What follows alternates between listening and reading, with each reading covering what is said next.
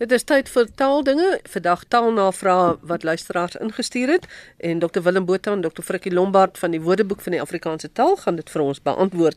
Willem Berry van Bloemfontein skryf dat hy die woord narratief al hoe meer oor die radio hoor en hy wil graag meer weet oor die gebruik van die woord. Nou ja, dis nie net radio nie. Die woord hoor 'n mens nou oral en ek het ook 'n eiertjie te lê, maar ek sal wag dat jy eers klaar praat. Berry van Bloemfontein 'n Narratief is maar net 'n verhaal 'n beskrywing of 'n geskiedenis van iets, maar tans is dit 'n vreeslike modewoord. Jou narratief is jou lewensverhaal, hoe jou paadjie geloop het. En ons kan dit terugvoer na Latyn, narrare, wat eenvoudig beteken om te vertel. In Engels is dit to narrate, ook om te vertel, en daai het ontwikkel narrative en nou in Afrikaans het ons die narratief. Maar dit is werklik maar net die verhaal, 'n beskrywing, 'n geskiedenis die verloop van iets. Ek dink oor so 'n jaar of 4 dan sal ons dit nou nie meer so baie hoor nie. Ja, dis wat ek ook maar wou gesê, dis 'n modewoord en ek dink partykeer wil mense uh dit mag gebruik vanuit 'n negatiewe ehm um, kant af wil men nou probeer grand wees, is dit nie? Mm. Ja, jy weet jy die, die politici hoor jy deesdae sê dat jy weet hierdie narratief oor my word nou voorgehou, die soort van ding. Ag, ek sug sommer diep as ek net daaraan dink. 'n Gewone Afrikaanse storie of verhaal nee, soos jy ja, sê. Ja. Nie narrative nie. Frikkie Gert vra dat ons praat oor biskonke en besope. Ek het gedog dis een en dieselfde. ja, wel, ek dink dit kom op dieselfde neer. Jy weet as jy beskonke is of besope is, dan is jy in 'n redelike mate aangeklam. Dit is en dit is my nog al, altyd so mooi want aanklam beteken eintlik om effens nat te maak soos ek het die fatdoek 'n bietjie aangeklam sodat ek die koffievlek kon uithaal of so iets.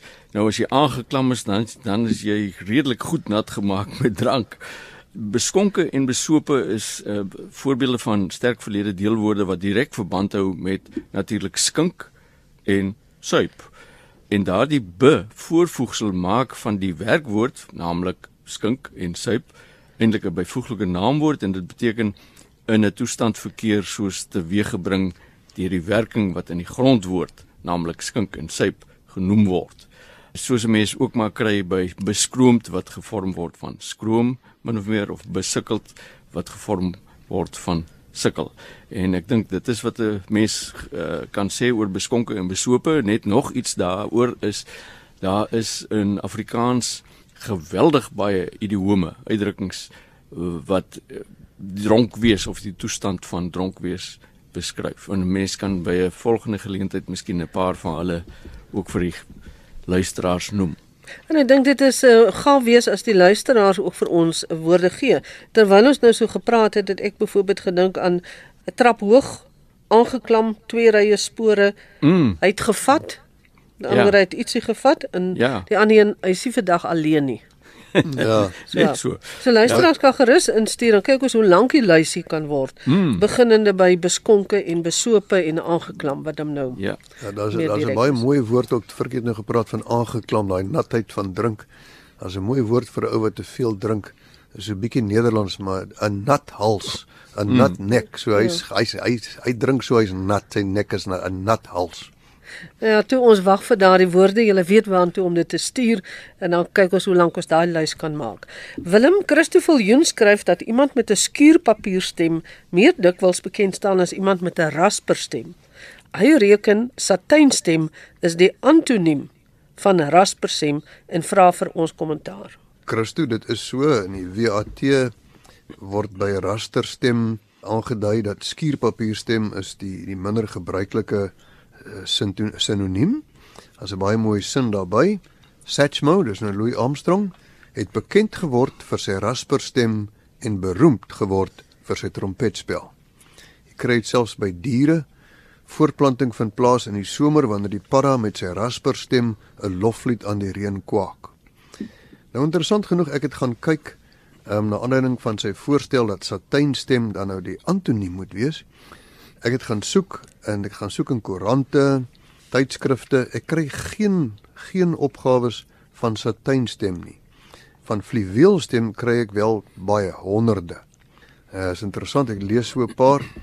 Kevin met sy kragtige tenorstem, Matthys met sy rustige fluweelstem in die lae registers.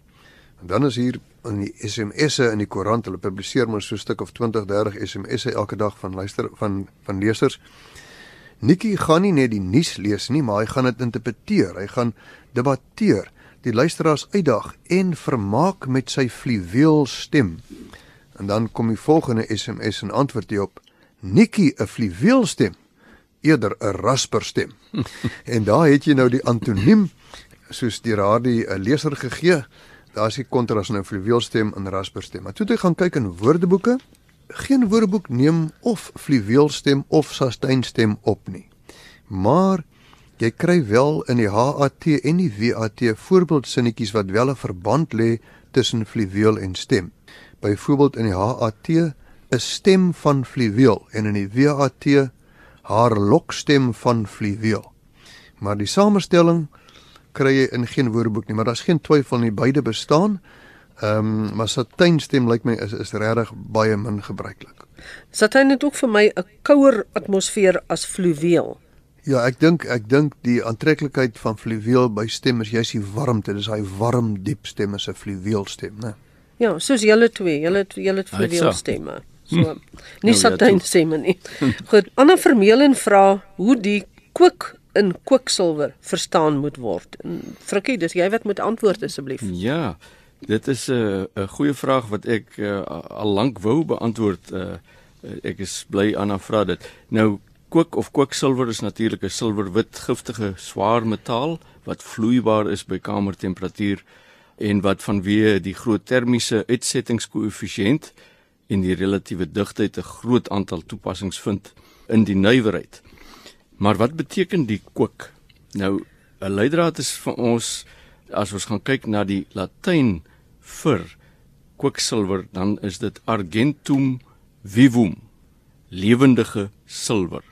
En daardie kwik kan ons maar gaan kyk in 'n klomp tale ook in Engels beteken lewe of lewendig en in die meeste oud-Germaanse tale word dit so gebruik.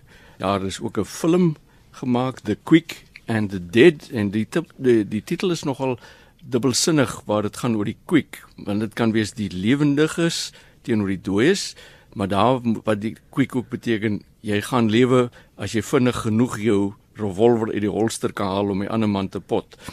Nou ons kry hierdie kook ook terug in woorde soos vir kook met ander woorde dit beteken eintlik verlewendig ek het my verkook my week langs die see het my verkook dit het my weer lewendig gemaak as dit ware. Verfris. Verfris ja. En 'n kookstert is die voeltjie met die lewendige stert as dit ware. Nee die koekie wat sy stert so op en af laat gaan. En dit is die interessantheid vir my die quick wat in Engels gebruik word wat beteken lewe soos in quick sand. Is as dit ware lewendige sand nê nee, die die sand gee meer onder jou en dan hulle praat ook van die quick silver, lewendige silwer. En dan kry ons natuurlik 'n uh, uh, betekenis wat ook 'n uitbreiding daar is 'n figuurlike uitbreiding. Ons praat van 'n kwiksilwer breekslag of sy kwiksilwer kolwerk of sy kwiksilwer temperament wat dan 'n figuurlike uitbreiding is uh, wat beteken dit het eienskappe soos kwiksilwer of dit laat daaraan dink as dit ware. Is tog baie interessant vir my gewees dat ons uh dat hierdie kook verband hou met lewe of lewendig. En as mense sê die kook styg, ons het so 'n program mm. um een keer 'n week die kook styg, dan kan dit ook wees dat die die kook word lewendig. Ja, en die, en die, en die ja, daai kook maar dan dan sit nou sê maar in die in die temperatuurmeter nê waar daar nog de, destyds so kookbol was met met die vloeistofie en uh, as dit warmer geraak word het die het die ding gestyg in die in die kolom. Goed. Willem John Mansfield vra na aanleiding van ons bespreking van die herkoms van Paternoster hoe Struisbaai aan sy naam gekom het. Ja, en John het 'n hele paar verklaringe wat hy aan ons voorlê. Hy sê een verklaring sou wees dat die ou seevaders baie vol struise daar aangetref het. 'n Ander teorie is dat dit verwys na struishuise of strooise wat hulle gesien het. Hy sê maar in Nederlands is daar 'n woord struis wat beteken groot of sterk of indrukwekkend. Jy kan byvoorbeeld praat van 'n struise vrou sê hy. En nou in sy verbeelding sê hy sien hy 'n Hollandse skipskaptein wat daar anker gooi na 'n paar stormagtige dae op see en hy sien die groote baai en hy sê een struise baai, 'n groot en indrukwekkende baai. Nou, ehm um, dit klink alles baie interessant, maar ek gaan net 'n paar dinge sê oor struis. 'n Struis is inderdaad 'n uh, verouderde vorm van stroois of strooihuis en dit is 'n huis of 'n hut wat van gras, bissies of riet gemaak is met 'n dak van van gras of riet. Struis ehm um, in Nederlands beteken ook volstruis, maar deesdae praat hulle van struisvogel en nog vroeër het hulle van vogelstruis gepraat waarvan ons uh, volstruis natuurlik afgelei is. Nou ek het maar gaan kyk uh wat sê hy's ook heeltemal reg dat struis in Nederlands kan beteken sterk of groot, dit is inderdaad so. Toe het ek maar gaan kyk wat sê Peter Ryper in sy New Dictionary of South African Place Names en volgens hom kom struisbaai wel van die Nederlands vogelstruisbaai. Nou dis die ou vorm vir volstruis in Nederlands. Onthou hulle het eers gesê vogelstruis en toe hulle gesê struis en nou sê hulle struisvogel.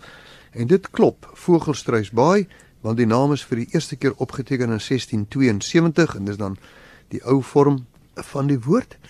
En ek dink ons moet die verklaring maar aanvaar as die gesaghebende een dat dit wel so genoem word as struisbaai omdat daar volstruise in die gebied was. Interessant genoeg, die Portugese het dit genoem Golfo das Agulhas en daar's nog 'n plek in Suid-Afrika met die naam Struisvogel.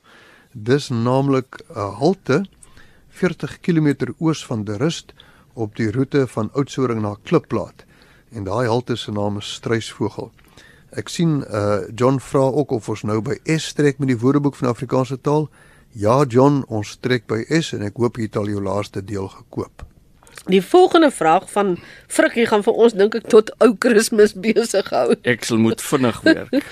Goed, uh Karel Pieterse wil graag hê dat ons Afrikaans se posisie in 'n groter taalfamilie moet verduidelik. Ja, en dit is nogal 'n taak, maar ek gaan so kort as moontlik gaan. Uh ons kry proto-indo-europees is 'n groot oorkoepelende term vir die oer-eerste Indo-Europese tale. Daar's Indo-Iranees, daar's Helleens wat Grieks is, uh, Kelties, Italies, Baltoslawies en dan kom ons by Germaans en ek gaan nou maar net op die Germaanse konsentreer. Uh mense het eintlik gekry Noord-Germaans en Wes-Germaans. Die Noord-Germaans was ou Noors uh en dan ook Deens en Sweeds. Nou oud Noors kon ook weer vir uh, jy weet verdeel word in Noorweegs. Faroese, dis die taal wat die mense van die Faroe eilande praat. Dis dis in die Noord Noordse See en dis onder soewereiniteit van Denemarke en daar's dan ook IJslandies. Nou Wes-Germaans kan ons in Anglo-Fries verdeel wat ou Engels is, Middel-Engels en moderne Engels of Oud-Fries en Fries. Nog 'n vertakking van die Wes-Germaanse is ou Nederlands, Middel-Nederlands, Vlaams, Nederlands en Afrikaans. En dan kry jy ou Hoogduits wat dan na Middelduits toe gaan en dit is dan uh uiteindelik Duits en Jiddisch. Nou oor die Jiddisch kan 'n mens maar net sê dit is 'n taal wat deur baie Jode gepraat is uh met 'n woordeskat wat hoofsaaklik bestaan uit 'n mengsel van Rheinsduitse, Baltoslawiese en Hebreëse woorde. En dit het in Pole en die Baltiese lande ontstaan en is oorspronklik veral deur die Jode van Oos-Europa gepraat, maar later het dit natuurlik ook uitgebrei na elders. En dis dit. En dis is nog nie eers by Oktober nie. Hmm. So voor ou Kersfees het jy daar klaar gemaak. Willem Piet van Wyk van Pretoria wys daarop dat bombasties en bombas deurgaans verkeerd gebruik word en hy vra ons kommentaar daaroor. Ek het nog nooit van die woord bombas apart gehoor nie. So verduidelik vir ons. Ja, Magdalene, as jy na die woordeboeke kyk, dan by bombas of bombas sê die WAT geswolle, hoogdrawende, opgeskroefde taal. En dis nou maar uh, pretensieuse taal, groot woorde. As jy gaan na die HA toe, T toe, dan sê hulle by bombas iemand wat hom of haar tot bombasme wend. En by bombasme sê hulle hoogdrawende taal met min betekenis wat gebruik word om mense te beïndruk. En bombas kom uit Latyn bombax, katoen as vulsel vir klere. So is baie duidelik dis iets wat gebruik word om op te vul wat iets groter laat lyk as wat dit is en dis dan nou wat jy doen jy is baie hoogdrawend jy's pretensieus om mense te beïndruk en by bombasties sê die HAT dit is wanneer jy groot woorde gebruik wat belangrik klink maar nie regtig iets beteken nie. Maar hierdie is ook dan nou uh, die vraagsteller se standpunt maar as jy gaan na die werklikheid na die taalwerklikheid dan sien jy 'n heel ander storie. As jy gaan na die koerante tydskrifte jy luister na die radio jy luister wat mense sê dan beteken bombasties vir hulle ongeskik aggressief selfgeldend vertonerig aanmatigend iemand met 'n geswolle ego en ek kan so 'n paar sinne net lees uh, uit wat ek in die koerante gekry het My vriende het my by my aankoms in die FSA beloof Donald Trump staan nie 'n kat se kans om president te word nie. Hy's te bombasties, te verregaande, het hulle gesê. Hy's net 'n kortstondige aardigheid, dit sal oorwaai. En dan uh, ry die persoon aggressief, swenk hy voor ander in, skel omdat hulle altyd verkeerd bestuur, reggeraai. Hy's bombasties. Alles is altyd jou of 'n ander se skuld. Nou dit is hoe bombasties gebruik word in die taalwerklikheid en ek dink nie ons kan dit ignoreer nie. Ek dink hier het betekenis uitbreiding ondergaan en ons moet aanvaar dat al is dit nou uit onkunde in die algemeen in die werklikheid beteken bombasties deesdae ongeskik aggressief selfgeldend maar natuurlik die oorspronklike betekenis van geswolle hoogdrawende opgeskroefde taalgebruik is nog steeds daar Hiermee wil ek nie sê dat daar nie meer reg of verkeerd is in in taal of in Afrikaans nie. Dit is net as daar so oorweldigende swenk, swaai na bepaalde betekenis is, kan jy dit nie ignoreer nie. So ek wil die vraagsteller gelyk gee dat teoreties Piet, is jy reg. Die woordeboeke het dit ook nog so, maar die taalwerklikheid het gesorg vir 'n swaai, 'n verandering, 'n uitbreiding van betekenis. Ek het nog nooit gehoor dat iemand die woord bombas of bombas gebruik het nie. Dis nie algemeen nie, né? Dis meer maar nie, in die byvoeglike naamwoordbeskrywing. Ja, ja, die hy is opgeteken, hy's in al die woordeboeke, maar jy sal baie min hoor dat iemand sê man jy's vol bombas. Ehm um, jy sal sê bombasme. Ja, of bombasties dan, soos mm, jy ja. verduidelik mm. daar. En om af te sluit, Frikkie se siel vra dat ons gesels oor padpredikant. Ja, nou uh, vir diegene wat nie weet nie, 'n padpredikant is maar 'n padwyser, veral van die soort wat by padaansluitings aangetref word, bestaande uit 'n regoppaal met een of meer gepunte arms wat dan die rigting en afstand na 'n plek of plekke kan aandui. Uh dit dit is sinoniem predikant word ook so gebruik. Nou uh, as 'n mens wonder hoekom nou 'n padpredikant, dink maar aan uh, uh, die woord as 'n wegwyser met ander woorde soos 'n predikant vir jou as dit ware die weg wil wys dan die die regte weg en die waarheid wys hierdie plek vir jou uh, wys hierdie wyster hierdie pad predikant of padwyster wys hy vir jou die regte rigting waarin jy moet gaan. Soos 'n stopstraat baie dankie Frikkie en Willem vir julle bydrae. En geniet die res van die dag in die geselskap van RSG groete van Magdalene Creer